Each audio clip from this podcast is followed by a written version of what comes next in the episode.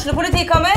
Ine Jansen er purk. Er du purk? The motherfucking bitch. Alt jeg vil, er å finne ut hva som skjedde med mannen min. Jon Carew. Er jeg sikta for noe? Iben Akeli. Det er du. Ole So, Lars Berrum og Big Daddy Karsten. Hvem sin side er du på, egentlig? Anette Hoff, Tone Danielsen, Kommer du fra Afrika? Jørnis Josef, Nesten. Kløfta. Trond Espen Seim, Det er synd å si det, men det var feil mann som døde. Purk. Premiere tirsdag på TV2 Play. Ungsamtalen fra DNB er økonomisk veiledning tilpasset deg som er ung. Bokk en ungsamtale på dnb.no. slash ung. Det er kjempebra hvis du skal inn på boligmarkedet, hvis det er drømmen din, liksom. Det er det du skulle sagt. Og så kunne du ropt litt mer, da, sånn som jeg gjorde. Bam! Åh,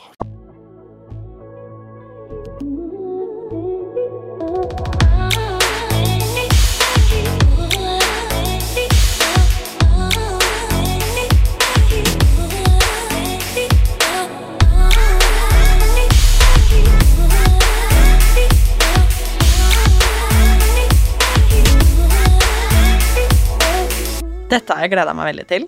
Å få besøk av Dora Torhalsdottir. Å, nydelig! Nydelig uttalt. Tusen takk.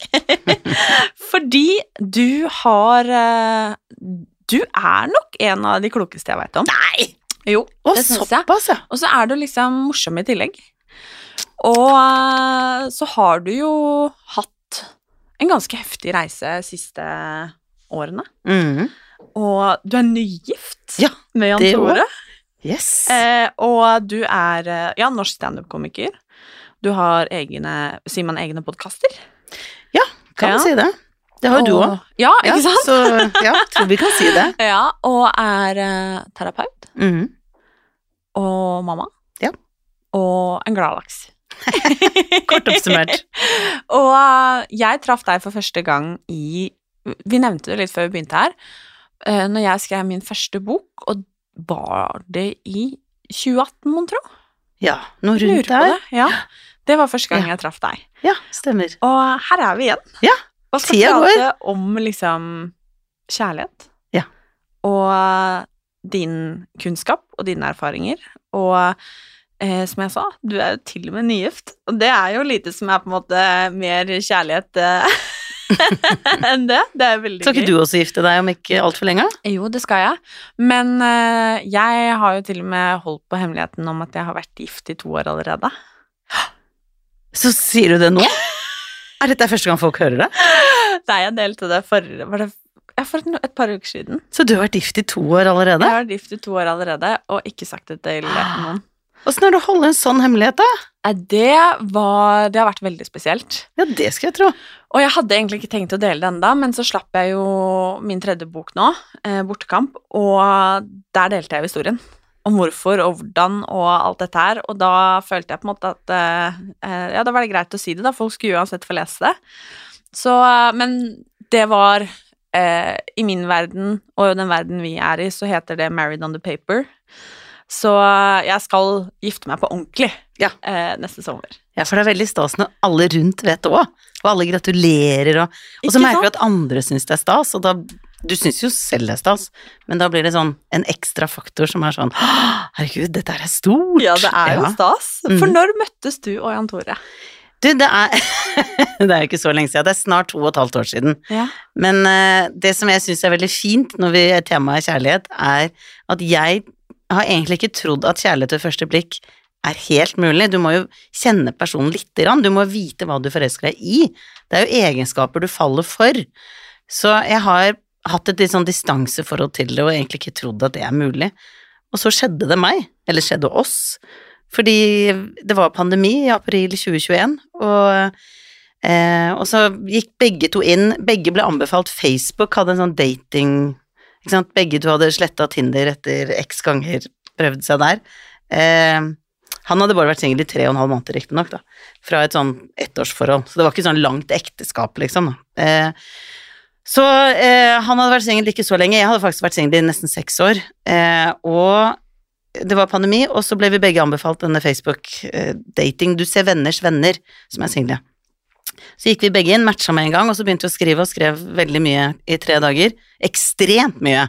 Så jeg ble jo egentlig litt forelska i han bare ved at det, vi var dødsærlige begge to med hva er det du vil, og hvem er du, og styrker og svakheter, og hvorfor ble det slutt med ekskona der, og ekser sånn og sånn, og, og veldig, veldig sånn dyp, dype samtaler, samtidig som det var veldig gøy, og så sendte vi jo bilder på Messenger, så jeg visste jo at de bildene jeg så på liksom profilen hans, stemte med virkeligheten. Det var ikke sånn 15 år gamle bilder med best off, men han var like kjekk liksom når han lagde pannekaker. Og så eh, måtte vi bare møtes, og da møttes vi tre dager etter at vi matcha, etter å ha skrevet 26 km, så jeg var jo veldig spent i forkant. Og så skrev han 'tror du vi kommer til å kysse i løpet av daten'? Fordi at var alle, i pandemi så gikk jo alle bare tur. Sånn at da sa jeg ja, det tror jeg, men kanskje greit å avklare det, fordi det blir så kleint hvis den ene prøver å kysse og den andre rygger og Det, dråpesmitte. Eh, dette går ikke. Så da eh, skrev jeg hva med å bare møtes, kysse med en gang, og så er vi ferdig med det. Og så skrev han det var en god idé, og hvis du er dårlig til å kline, så gidder jeg ikke å gå tur med deg.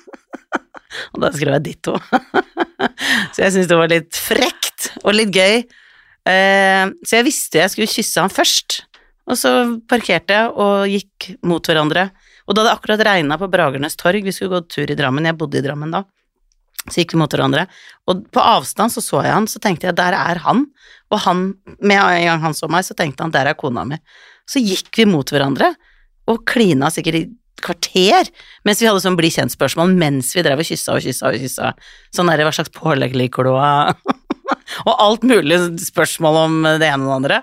Eh, mens vi klina og klina og klina, og så har vi bare kyssa i nesten to og et halvt år, sammenhengende. Altså, det her Så det, er det vi ble sammen på første date i Og begge da vi liksom stoppa å kysse og, og bare Er det bare meg, eller er det totalt fyrverkeri innvendig? Og han Ja, det er, jeg har det på akkurat samme måte. Og så ble vi helt satt ut, og så var vi, satt vi der og prata i to timer. Eh, I pandemi, som var jo en veldig kjedelig tid. Fra tre til fem, og så måtte begge hjem og lage mat til barna våre. så det var liksom en ordinær tirsdag etter jobb.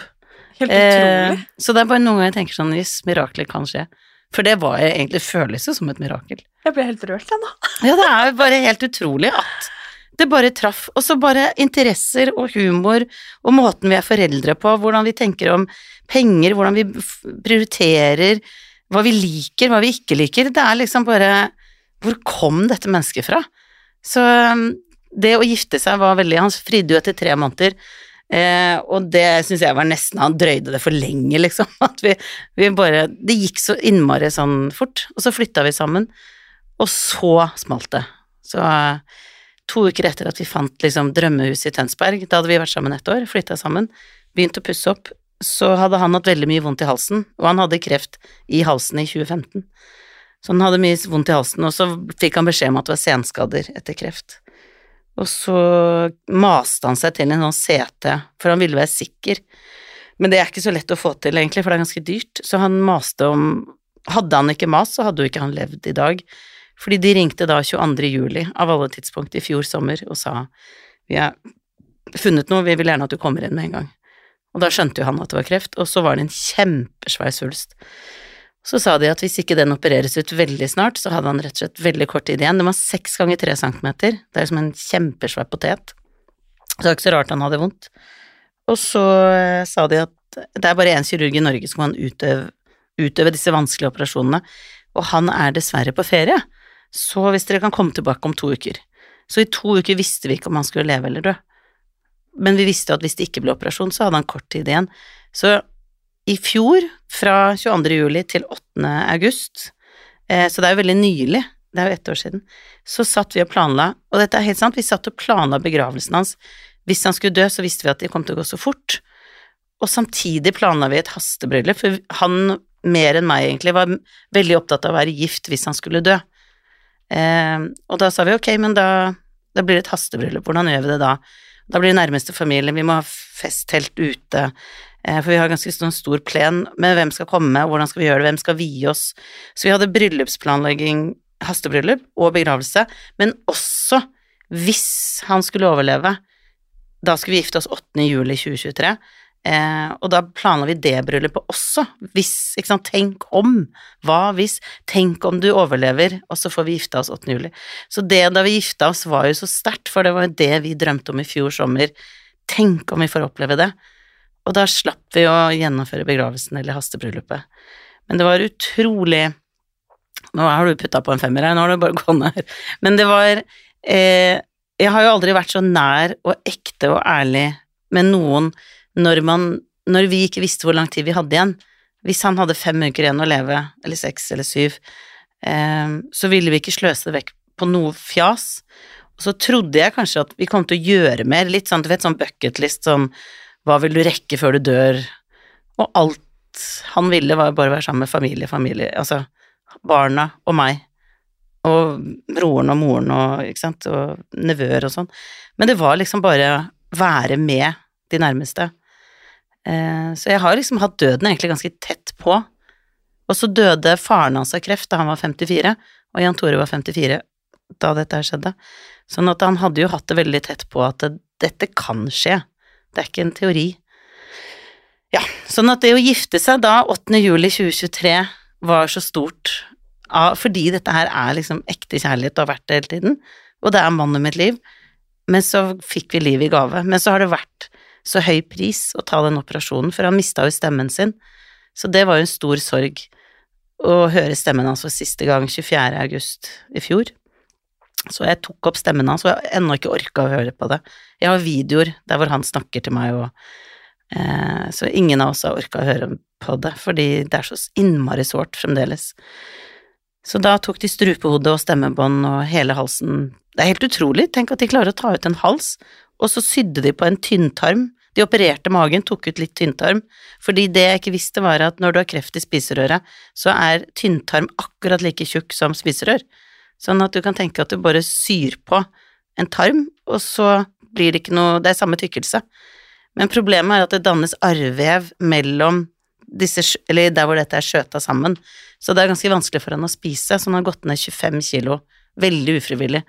Så han har blitt veldig tynn, og så er det litt vanskelig å spise og svelge, liksom. Og så har han da en stemme, sånn at hver gang han skal si noe, så trenger han å trykke på en knapp. Han puster gjennom et hull i halsen. Så når han trykker på den knappen, så blir det veldig hest. Han har ikke stemmebånd, sånn at det er ett tonefall hele tiden, og det er som om du er ekstremt hes. Det, altså, når man er hes, så er det jo vondt å snakke, men for han så er det bare luft som kommer ut. Um, men det som er det vonde, er jo at eh, fremmede som ikke har hørt stemmen før, reagerer jo veldig ulikt. En del begynner å snakke veldig høyt, som om man hører dårlig, og så er det mange som snakker veldig som om man er veldig uintelligent, som er veldig vondt når det er voksen Han er 1,94 høy, flott mann, alltid blitt respektert, liksom, og så plutselig så er det sånn Skal du ha pose? Og så står det jo 'vise posen'. Pose! og så bare Det er stemmen, det er noe gærent med ikke huet. Så da trykker han på den knappen, og og er, han blir bare lei seg, altså. Men uh, vi vet jo det at dette er ikke, for, det er ikke fordi folk er slemme, men de vet ikke bedre. Og så er det en tilvenning som har vært veldig sår på å akseptere at sånn blir livet fremover. Jeg er jo veldig nysgjerrig på hvordan det er å gå så egentlig fra himmel til helvete, på en måte. Ja. Så fort. Fra Mm. å på en måte forelske seg pladask, som på en måte egentlig bare skjer på film. Altså, det er så fantastisk å høre om at eh, jeg knapt har ord. Ja, det er helt uh, ubeskrivelig at Og så skjedde det meg, liksom. Ja, altså, det er eh, Det er jo fantastisk. Um, og så liksom bare Å, man skal gifte seg, og så bare Ja, så smeller det. Og så bare skal man miste dette, på en måte. Altså, Ja. Nei, den frykten var helt uh, gigantisk.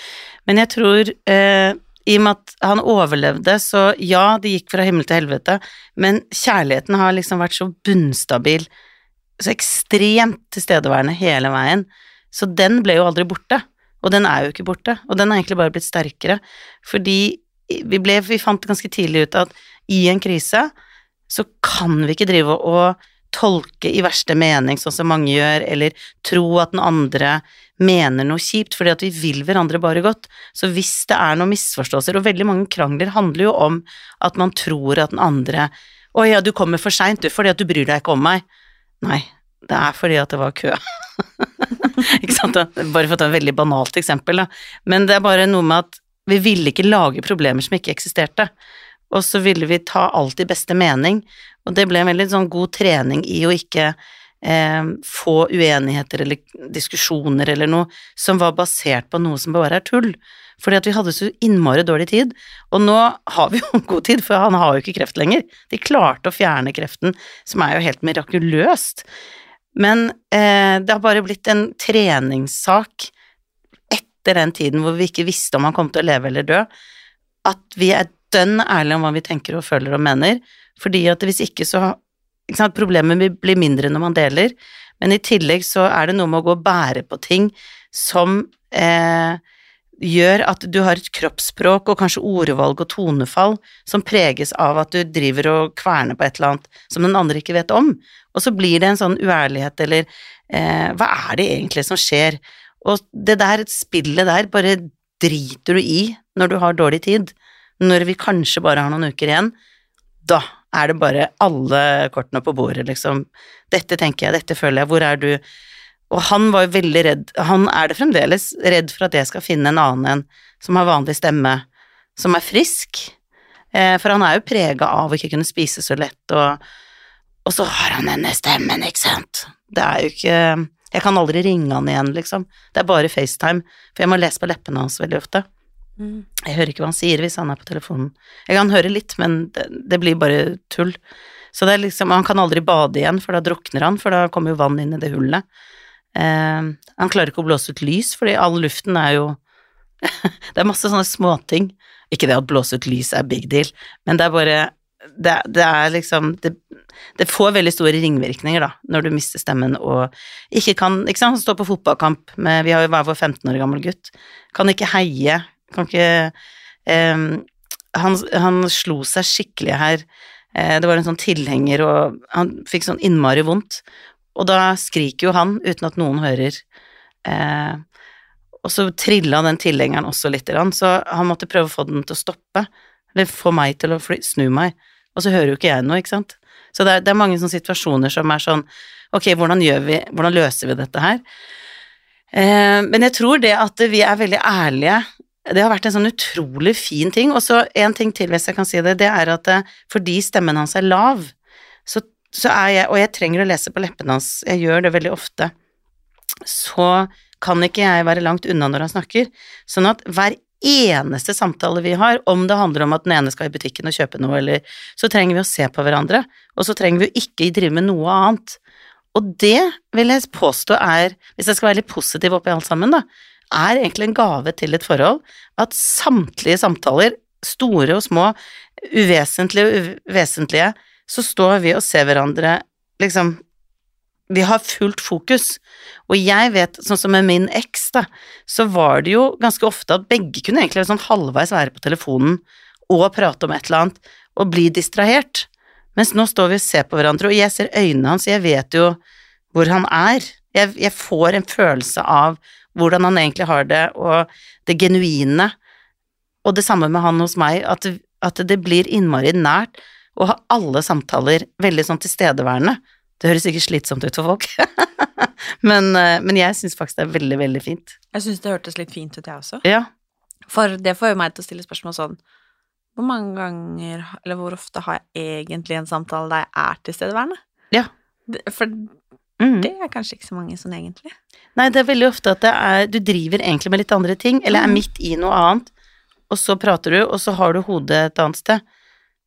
Men det kan ikke jeg gjøre, for da får jeg ikke med meg Jeg trenger å fokusere når jeg snakker med han, eh, og da blir alt annet tilsidesatt. Så det er egentlig Ja, hvis jeg skal være litt positiv, da, så er det faktisk en bra ting. Men det å treffe et menneske som man forelsker seg i, um, på den måten som dere gjorde um, Det er jo Det at han ble så syk, på en måte, er jo mange, uansett hvor kort eller lenge man har vært sammen, noen sin største frykt. Mm. Og det er jo fælt å si det, men jeg tror jo på mange måter at det også kunne vært en grunn til at et forhold ikke hadde fungert. Ja. Eh, og at mange eh, på en måte det første året hadde tenkt at vet du hva, dette er ikke noe jeg kan stå i, for eksempel. Mm. Um, har du noen gang tenkt den tanken? Jeg har ikke tenkt den tanken.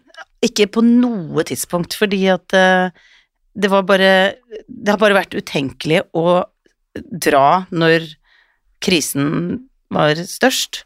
Men det jeg merker, er at det er en del andre som har stilt det spørsmålet. At eh, Å ja, han ble så syk, ja.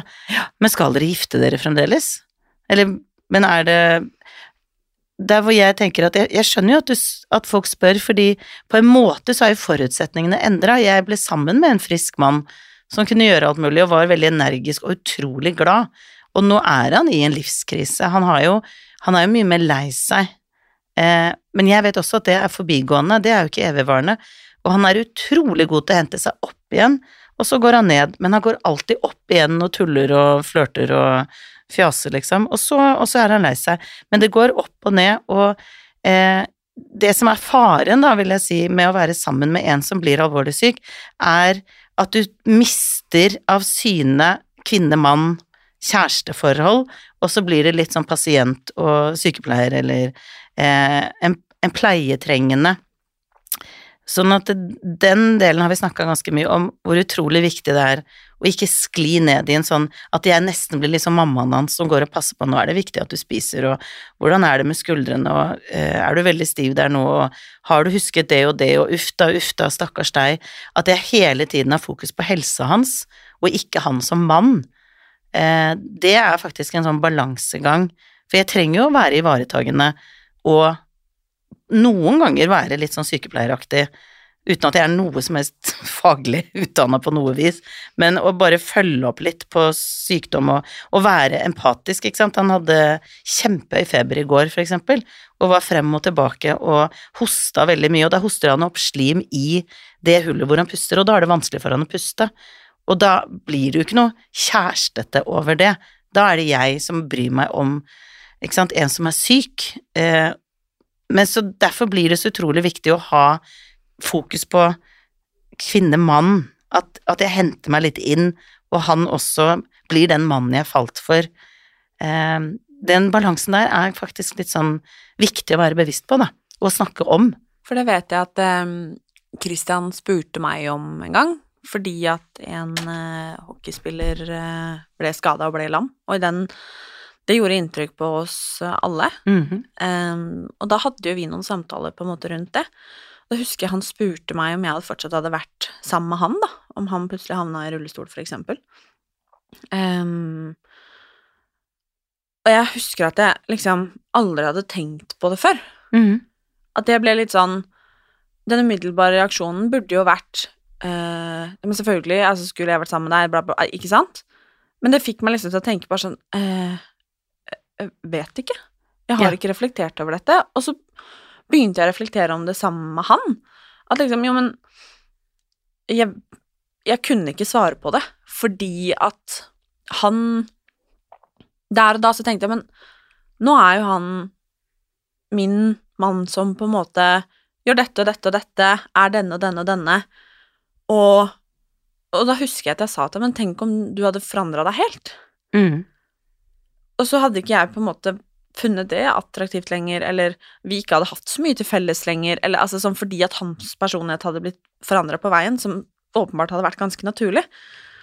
Og da fikk jeg jo den, men herregud, så skulle jeg gjort, med, gjort det slutt med deg, da, og så hadde alle trodd at det var fordi du satt i rullestol. Altså, skjønner du hva jeg Mm. mener? Altså, da begynte jeg å tenke de tankene Mm. der, og det hadde jeg aldri gjort før. Mm. Og det eh, kan jeg jo også forstå at folk ten har tenkt på dine vegne. Mhm. Og derfor syns jeg også det er litt fint å høre at du på en måte aldri egentlig har tenkt noe annet heller. Nei, jeg har aldri tenkt noe annet. Og grunnen er at når du sier det du sier, så sier du ikke at jeg hadde kanskje gjort det slutt fordi han satt i rullestol, du sier at jeg hadde kanskje gjort det slutt for han ble en annen.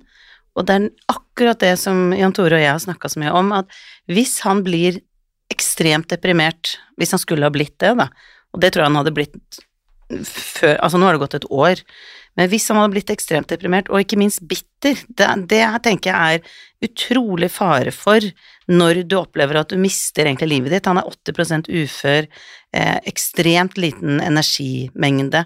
Det skal lite til før han blir helt utslitt. Eh, og blir behandla annerledes av andre. Det er, det, er, det er så mange tap, og det er så mye sorg i det. Og det å da bevare humor og en sånn utrolig god måte å se meg på, som gjør alltid at jeg føler meg utrolig spesielt og får plass. For han er utrolig god til å si 'hvordan har du det', og så for, slipper ikke jeg unna med å si sånn 'ah, alt er bra'. Da vil han vite hvordan går det, Hva opptar deg? Hvor er du? Og da er det så grundig sånn følelsen av å bli sett, som han alltid har vært god på, til og med på sykehuset, med slanger og det hele. Så kunne han skrive, for da hadde han ikke stemme i fem uker. Eh, hvordan har du det? Og, og så sier jeg hvordan jeg har det, og så skriver han også hvordan han har det. Da, og nå sier han også sånn her det, men det er den derre nærheten til å være dønn ærlig på hvor du er og hva du tenker og hva du er, som opptar deg. Hvis du mister det fordi den ene er i selvmedlidenhet eller i bitterhet og hater verden, er veldig frustrert på alt og alle, og slutter egentlig å ha overskudd og energi til å bry seg om andre fordi at de har nok med seg selv, da tror jeg nedoverbakken kan begynne, eller den nedadgående spiralen, fordi at da føler den andre personen at her er det ikke plass til meg. Så den derre følelsen av å være viktig, og jeg har tid til deg, jeg har overskudd til å ta imot hva enn som rører seg i deg, jeg vil være sparringspartneren din, eh, det tror jeg er utrolig viktig. Fordi hvis han hadde endra personlighet, da hadde jeg selvfølgelig også begynt å tenke hvem er jeg sammen med nå?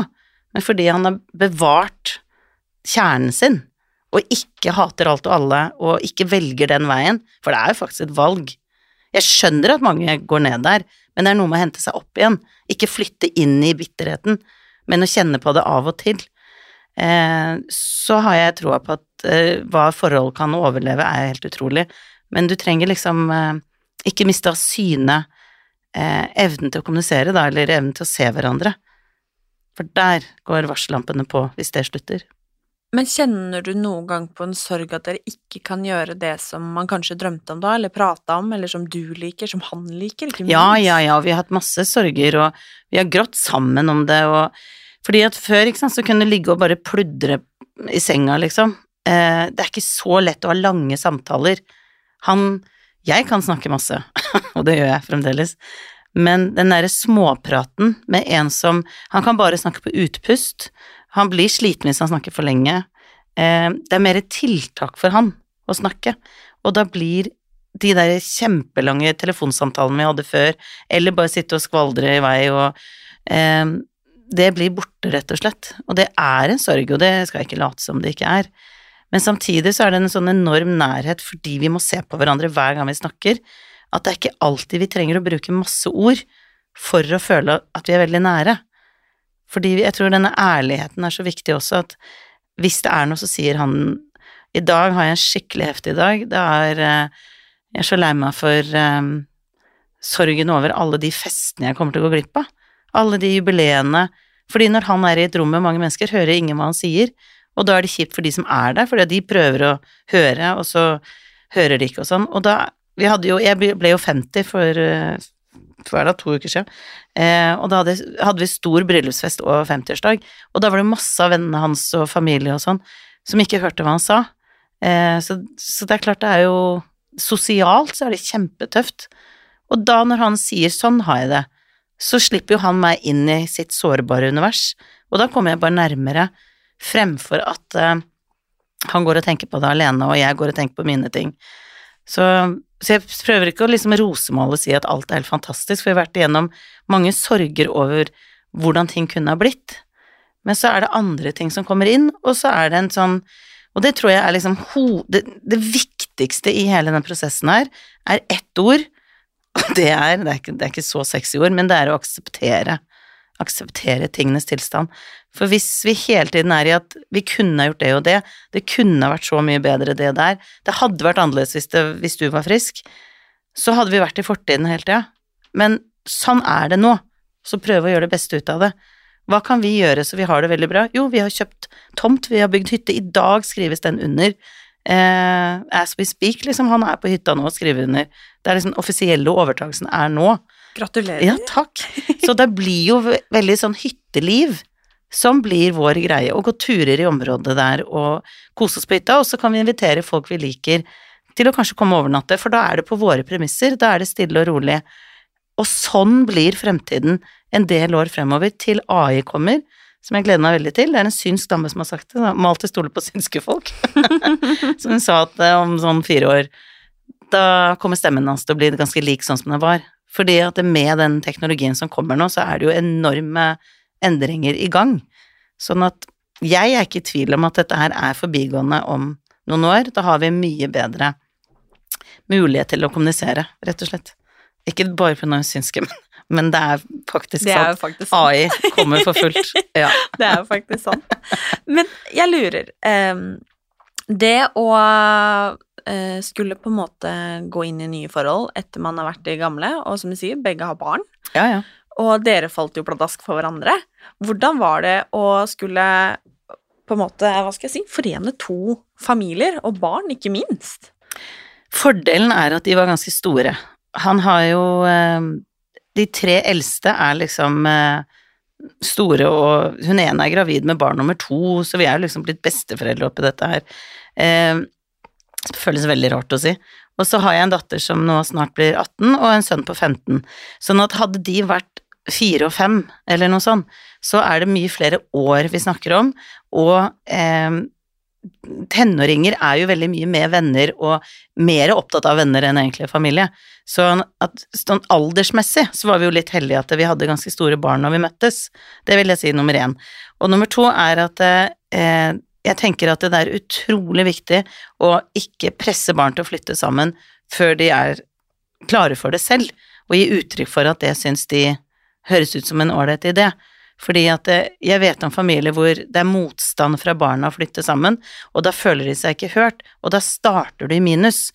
Mens jeg opplevde at eh, Elias, sønnen min, liker Jan Tore så utrolig godt som stefar, så han bare gleda seg å flytte sammen.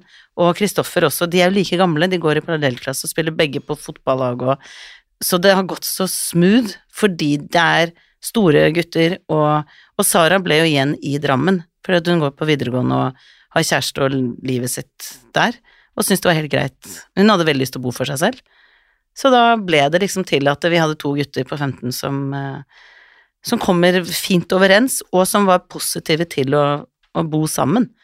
Så jeg tror der var vi veldig, veldig heldige, fordi det er jo en minefelt å ha dine barn og mine barn, fordi at det er så sårbart hvis det føles av forskjellsbehandling eller Oi, nå, nå behandler ikke ditt barn mitt barn så bra. Så, så tar jo man parti med sitt barn automatisk, og plutselig har du foreldre som er i krig fordi barna ikke er helt venner, for å beskytte sitt barn, da. Sånn at det er ikke noe enkel vei å gå å flytte sammen.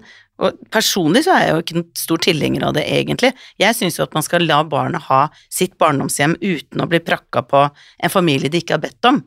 Eh, I mitt tilfelle så var jeg veldig heldig, for Elias var veldig positiv til å bo med Jan Tore og Kristoffer og, og meg, og Kristoffer også, og han er der annenhver uke, mens Elias er jo fast hos oss. Så vi var så utrolig heldige med det, men eh, for hvis, hvis det hadde vært motstand, hvis det ikke Så hadde vi ikke flytta sammen så fort. Fordi at det Da tror jeg du lager veldig mange problemer for deg selv, rett og slett. For, og, og det er en dårlig samvittighet også på at nå tvinger jeg barna mine til å gjøre noe de ikke de syns er ålreit. Og det er daglig, dette er hjemmet ditt. Det er her du skal være trygg. Så, så jeg har egentlig gått litt på tvers av de, mine egne prinsipper, for jeg syns jo egentlig at veldig mange flytter altfor fort sammen og drar med barna inn, og, og de har ikke bedt om det. Og så gjorde jeg det selv, men som sagt, det var i orden for de store barna, og de er jo så opptatt av vennene sine og livet sitt i større grad enn hvis de var mye mindre. Hvordan har det da vært å stå i denne krisen som familie så fort? Altså, jeg føler jo liksom fortsatt Nå har jeg vært i et forhold i åtte og et halvt år, eh, og vi lærer jo fortsatt å kjenne hverandre, og familiene til hverandre altså sånn Kjenner hverandre ganske godt, det er ikke det jeg mener, men du skjønner hva jeg mener. Dukker opp ting her og der, og man utvikler seg og forandres jo, og det å stå i tøffe ting før, kan jo både gjøre at man sklir fra hverandre, men også at man blir veldig tette, da. Hvordan har det da vært som en så ny familie? Én eh, ting er deres relasjon, men altså relasjonene rundt, ikke sant, og ja, hvordan har det vært? Vi ble jo liksom kasta veldig inn i det, fordi vi hadde jo bare bodd, vært sammen liksom et år, og så kjøpte vi det huset, og så ble han syk, og da var det jeg som var kontaktpersonen da han var på sykehus og alt mulig skjedde med moren hans og For faren hans er jo da død, og broren og kona og, og disse eldste barna hans og sånn. Eh, og da gikk vi jo fra liksom å egentlig blitt kjent liksom på en måte litt nylig, til bare fullstendig hudløst og gråt og redsel og frykt. som gjorde jo ikke noe annet enn å binde oss sammen, for de var jo veldig glad for at jeg var der med At ikke Jan Tore var singel, rett og slett, for å si det sånn. Eh, de var veldig glad for at jeg var der, og gjorde alt jeg kunne for å ta vare For at han skulle ha det så bra som mulig, da. Så de var jo takknemlige for det, og så var jeg veldig takknemlig for at de var så innmari 100% med hele veien, og eh, vi hadde det så Vi har jo ikke noe historie med noe som er komplisert, eller krangel, eller det arveoppgjøret som har forsura stemningen i familien. Det er ingen historikk. Det er bare en sånn hei, hei, god dag, ikke sant, man ut en hånd og hilser ordentlig, ikke sant. Man hadde, vi hadde liksom det litt formelle, kanskje. Og så, når alle er livredde for at han skal dø, og det er stor sjanse for at Altså, det var høyrisikooperasjon. Da han ble operert, så var det ikke sikkert at han kom til å overleve. Og når jeg da sitter med hans to eldste jenter, som da var 28 og 30, og vi bare holder rundt hverandre og gråter, så blir det jo bare nært. For alltid. Fordi at du har ikke noe spill, det er ikke noe um, Det er ikke noe avstand der. Vi har liksom bare vært i det mest vonde og sårbare. Og jeg nevner de to fordi at det, det, han fikk lov til at de to fikk lov til å komme når han skal opereres. Trilles bort og bli operert. Og da fikk vi én time før eh, han skulle bort, og vi hørte stemmen hans for siste gang, og da var det Benedicte, Marlene og meg som bare klemte han og var Og etter det så er vi jo så close, ikke sant, fordi det er bare er, Det er ikke noe spill, det er bare, bare sånn dønn ærlig Kjærlighet? Ja, kjærlighet. Fordi at vi begynte jo der. Kjærlighet til Jan Tore, pappaen dems, eh, min kommende ektemann, eh, den felles frykten vi alle kjente på. Og da er det jo bare masse kjærlighet i rommet som vi kjenner, og som bare forblir.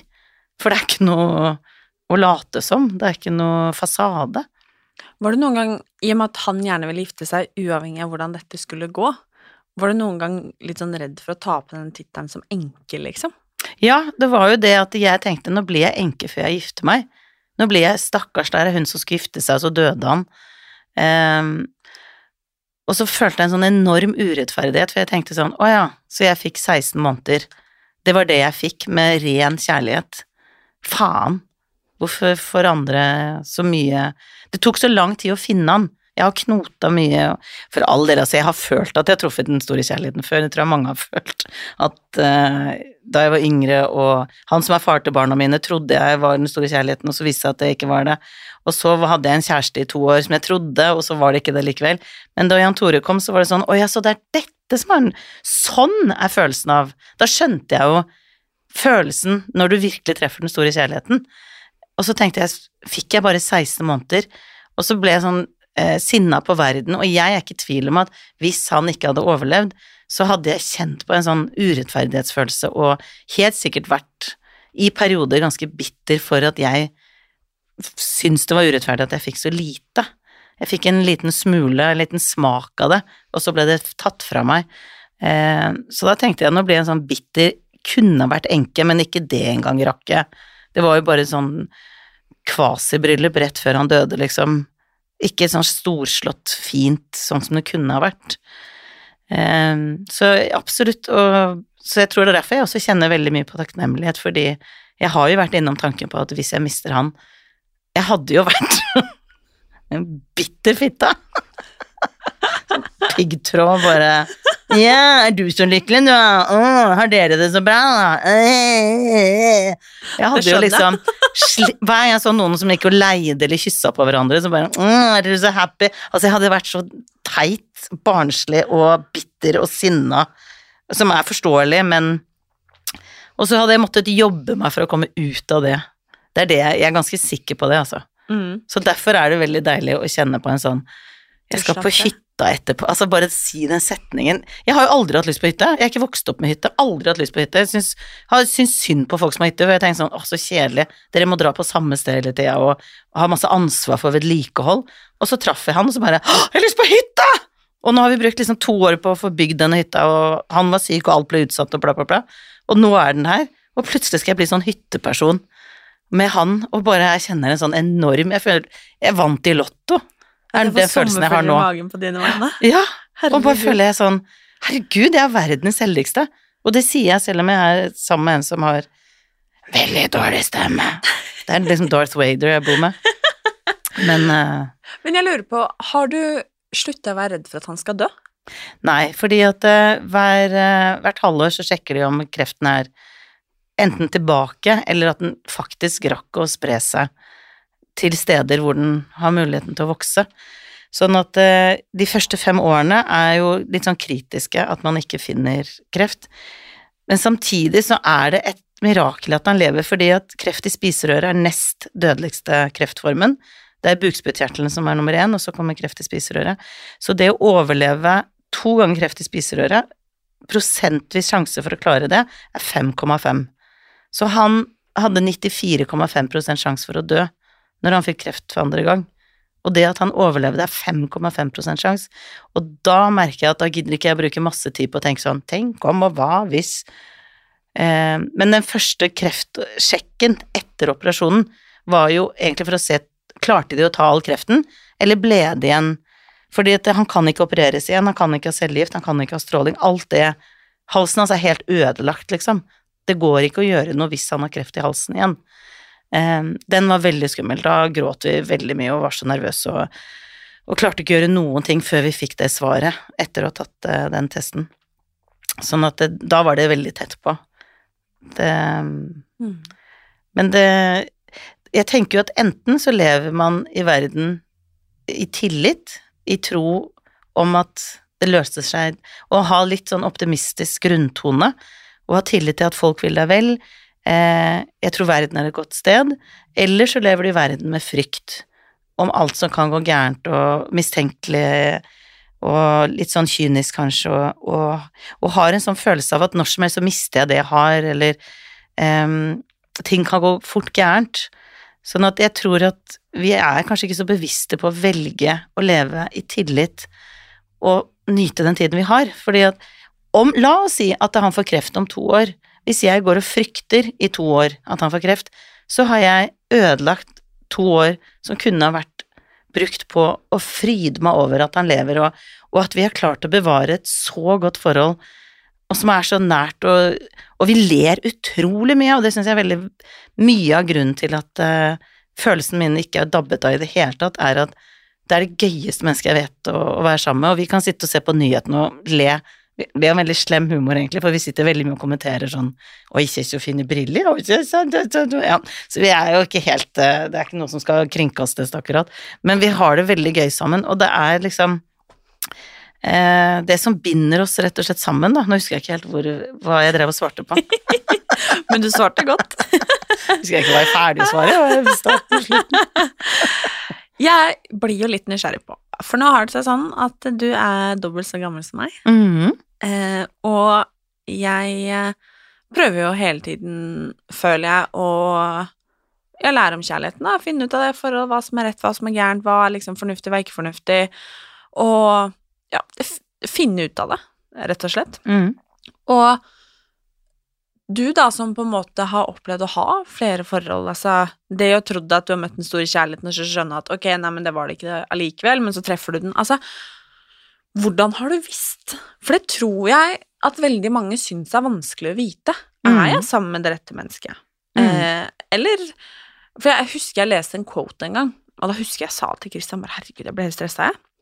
For det sto noe sånn vi, Ja, herregud, hva var det det sto? Et eller annet med at hvis du er sammen med dem, et menneske du er usikker på, så tar du opp plassen til den som egentlig var ment til å være der. Altså bla, bla, bla, du veit ikke et eller annet sånn, sånn, du skjønner hva jeg mener. Og så bare, men herregud, tenk om ikke vi Altså, ikke sant?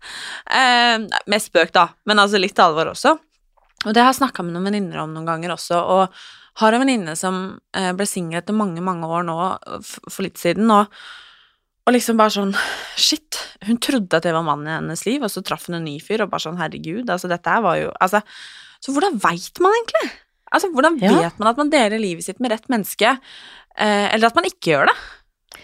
Hadde jeg hatt et veldig godt svar, så hadde jeg tjent veldig mye penger på det, for det tror jeg veldig mange eh, spør seg selv om, og det har jo jeg også lurt på tidligere. Men det er vel det jeg kjenner på nå, da jeg traff han, og kanskje du, når du er sammen med Christian, at når du ikke går og tviler, Og hvis jeg skal bruke et utrolig banalt eksempel, la oss si at du går inn i en butikk som selger kjoler, og så tar du på deg en kjole, og så tenker du sånn, jeg vet ikke om jeg skal ha den. Da vet du jo egentlig svaret. Du vet at du ikke vet. Dermed vet du at du ikke vil ha den. Og det er mange, føler jeg, som går rundt og prøver kjoler, og har en sånn hmm, Altså, den, den er jo riktig lengde, men den sitter liksom ikke helt. Eller den er den, det, Jeg liker stoffet veldig godt, men jeg føler meg ikke helt vel i den. Det er veldig mange, hvis jeg skal bruke et veldig banalt eksempel, da, som prøver å tilpasse seg. Hvis jeg syr den opp litt, hvis jeg eh, syr inn eller syr ut, eller hvis jeg tilpasser meg, og alltid når du føler at du trenger å tilpasse deg en annen person, jeg trenger å være litt annerledes enn den jeg er, jeg trenger å være rausere eller mer forståelsesfull, eller eh, jeg kan ikke vise sinnet mitt eller sårbarheten min, det er ikke plass til det, så tenker jeg at eh, du har ikke funnet kjolen din, du har ikke funnet kjærligheten, før du faktisk trenger ikke å vurdere det engang. Det bare er et trygt sted å være, og en følelse av, for min del, da, å komme hjem. En sånn følelse av der landa alt. Det bare og, og dette her handler om følelser, og det er veldig mye vanskeligere å vite om du er i riktig relasjon eller ikke hvis du ikke er i kontakt med følelsene dine. Du trenger faktisk å være litt i kontakt med deg selv, for, fordi at inni oss så har vi et kompass, det er i magen. Følelsene våre er i magen. Det vet vi egentlig alle. Hvis du gruer deg til å holde en tale, så merker du det i magen. Hvis du er kjempeforelska, merker du det i magen. Vi bruker jo uttrykket magefølelse, så egentlig vet vi at følelsen er i magen. Men der er det et kompass, og kompasset Du kan tenke at den nålen da peker hvilken retningen for deg, enten det er jobb eller Alltid når du gjør noe som er riktig for deg, så er det akkurat som litt sånn tid og sted. Det er bare nå koser jeg meg, nå gleder jeg meg over å være her, jeg glemmer litt andre ting. Da er du på ditt spor, og hvis du er sammen med mennesker du drar derfra i pluss, du går med et smil, du kjenner sånn 'jeg ble beriket', eller eh, beruset, eller gladere av å være der enn da jeg kom, så er det fordi at disse menneskene er riktige for deg, og da blir på en måte belønningen i form av følelser.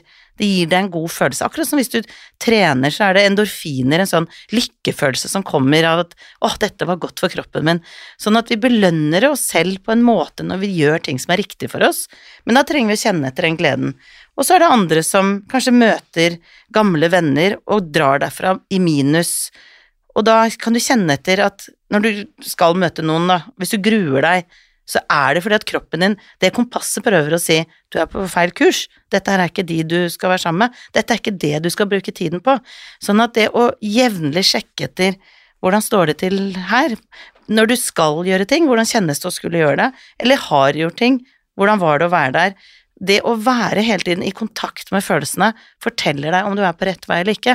Og når det gjelder kjærlighet, så er det kun følelsene, fordi at vi kan velge med hodet. Jeg husker jeg drev og prøvde å Jeg prøvde iherdig når jeg var jeg tror jeg var 26, å bli forelska i en utrolig kjekk fyr. Han var legestudent, veldig ålreit, han var morsom, han, var, han hadde alt, ikke sant. På papiret så var det bare Mr. Perfect. Og jeg prøvde og prøvde, jeg tenkte sånn, kom igjen, du er forelska i han. Og jeg var jo ikke det. Men så ble jeg jo forelska i han, han som jeg har barn med, som var jo alt det andre, som ikke var helt Det var liksom økonomi på halv tolv og mye Men så var jeg bare så dritforelska. Um, så da var det jo følelsene som styrte. Og jeg tror jeg er veldig tilhenger av å la følelsene bestemme, fordi jeg tror, og dette kan bli litt sånn høytsvevende også, men veldig ofte så velger vi de menneskene i livet som skal lære oss noe. Og jeg er ikke i tvil om at jeg valgte Jon, som er da far til mine to barn, for jeg hadde utrolig mye potensial, og, eller mye jeg trengte å lære om å stå opp for meg selv, om å si ifra, om å være tydelig, om å være ærlig, og han tok ingen hint. Det var det vanskeligste mennesket jeg kunne vært sammen med, å nå fram med å hinte. Så jeg trengte å øve meg på å være klar, tydelig, ærlig. Ting jeg har veldig stor nytte av nå, men jeg trengte å ta en omvei, hvis jeg kan si det sånn, for å lære det jeg skulle lære. Så det har jo ikke vært noen av forholdene mine Ingen av de tenker jeg har vært bortkasta. Jeg har lært masse underveis, eh, og blitt mye mer selvstendig og vet hva jeg vil, takket være alt jeg har vært igjennom. Så jeg tror faktisk det at selv om du prøver på mange kjoler, og prøver å være inne med en del forhold og sånn, så lærer du noe av Eller du har muligheten til, da, det velger du egentlig litt selv. Hva lærte jeg av det jeg var igjennom nå?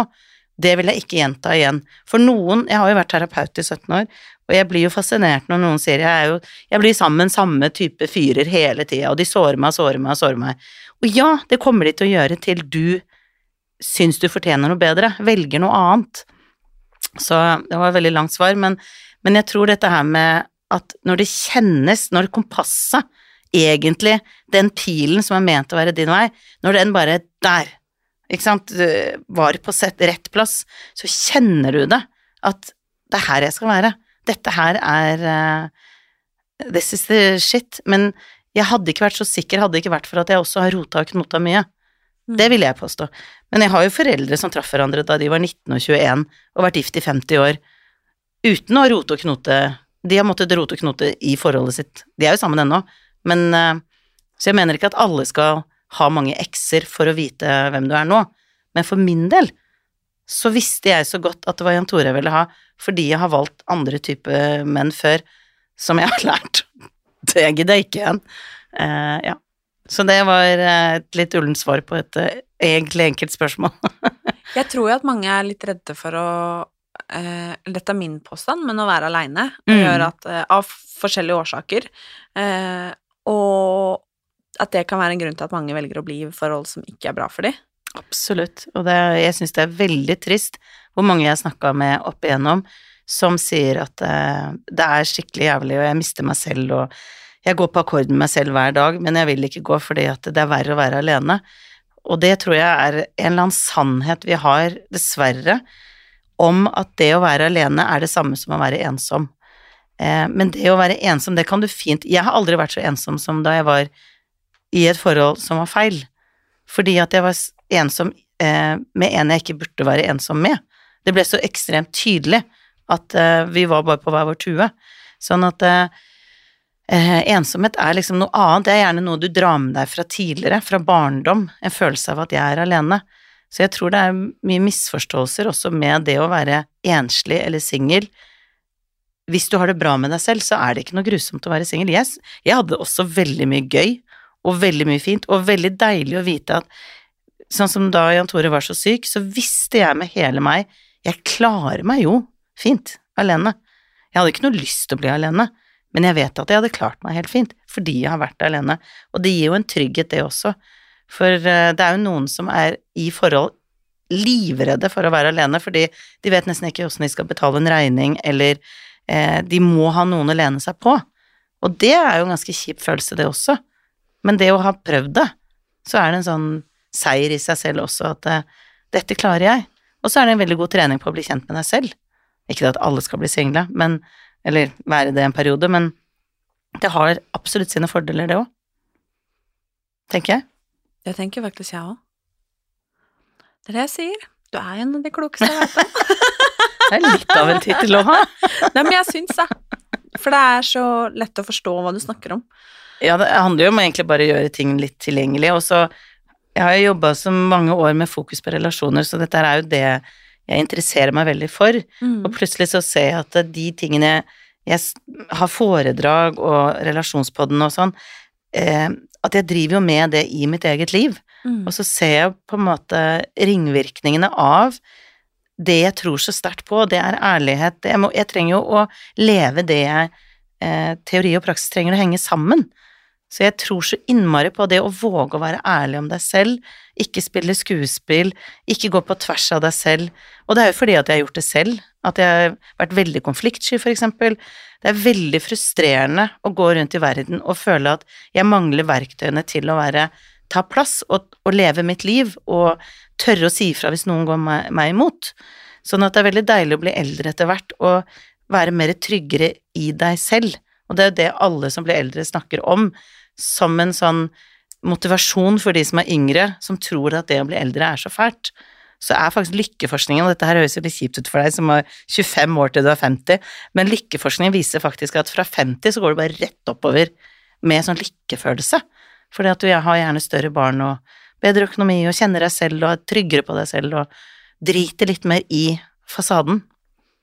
Jeg syns det er litt deilig jeg, å egentlig høre bare, at det bare bare gled deg. Der fremme blir det bedre. Men jeg syns det er litt fint, og jeg for Jeg for eksempel syns ikke det var kult å være, være ungdom, liksom. Jeg syns ikke det var gøy å være 20 heller. Altså, jeg syns ikke det var gøy. Jeg syns det bare blir gøyere og gøyere. Mm. Og det er nettopp det det som er så deilig. Det blir bedre og bedre. Så det er eh, Og det syns jeg er sånn Det er ganske fantastisk med livet, egentlig. At, at det er ikke sånn derre Å, nå er du ferdig med den prime.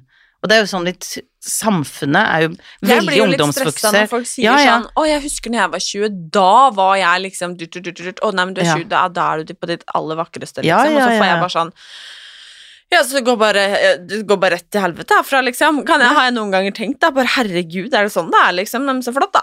Det var Og så viser lykkeforskning at det er etter 50 at uh, Altså, og 40-årene kan også være helt amazing, og 30 også for all del, men det er bare Det er en sannhet ute i samfunnet om at det å være ung, da er du på det vakreste og lykkeligste, eh, og alle reklamer og alt mulig, ikke sant. Det er veldig sånn opphaussing av det unge, som er så paradoks, for når du blir eldre, så får du det bedre. Men det er akkurat som det Når skal dette her harmonere? Det er jo Mm. to helt ulike ting. Det ene er virkeligheten, hvordan det egentlig er, og det andre er liksom hvordan ting blir fremstilt. Som gir jo et litt feil inntrykk, da, for Eller gjør veldig mange forvirra også. Mm. Så det er bare å glede seg. Det, det, blir, det blir bare bedre. Tusen takk for at du hadde lyst til å komme. Det var veldig hyggelig å være her, Martine. Det var eh, lærerikt som alltid, og givende og fint og deilig og gøy og litt trist. Jøss, det var mange følelser på en gang. Det var det. Nå er du i kontakt med følelsene dine. Det er det. nydelig. Jeg, er, eh, nei, men jeg har både hatt tårer i øya for at jeg har ledd her, på en måte, men også, også fordi det har vært trist. Og det, Ja. er, eh, det er jo livet sjøl, det. Det er livet. Og øh, så er det det eneste du får gjort, er bare prøve å gjøre det beste ut av det. Og så å være i det. Altså, jeg har jo grått masse og vært skikkelig lei meg. Bare sånn at det ikke det, virker sånn Nei, da så er det bare å være takknemlig, vet du, så det er som det er. Um, men det er det å hente seg opp igjen og se Hva er det jeg har? Jo, jeg har jo en som overlevde. Og vi er her nå, og vi vet ikke hvor lang tid vi har. Men vi skal faen meg nyte den tiden som vi har og gjøre det beste ut av det. Ikke tro at noen andre vil deg noe vondt. Vi er jo sammen. Eller, ja, bare make the most of it. Det syns jeg var kloke ord å avslutte med. Tusen takk.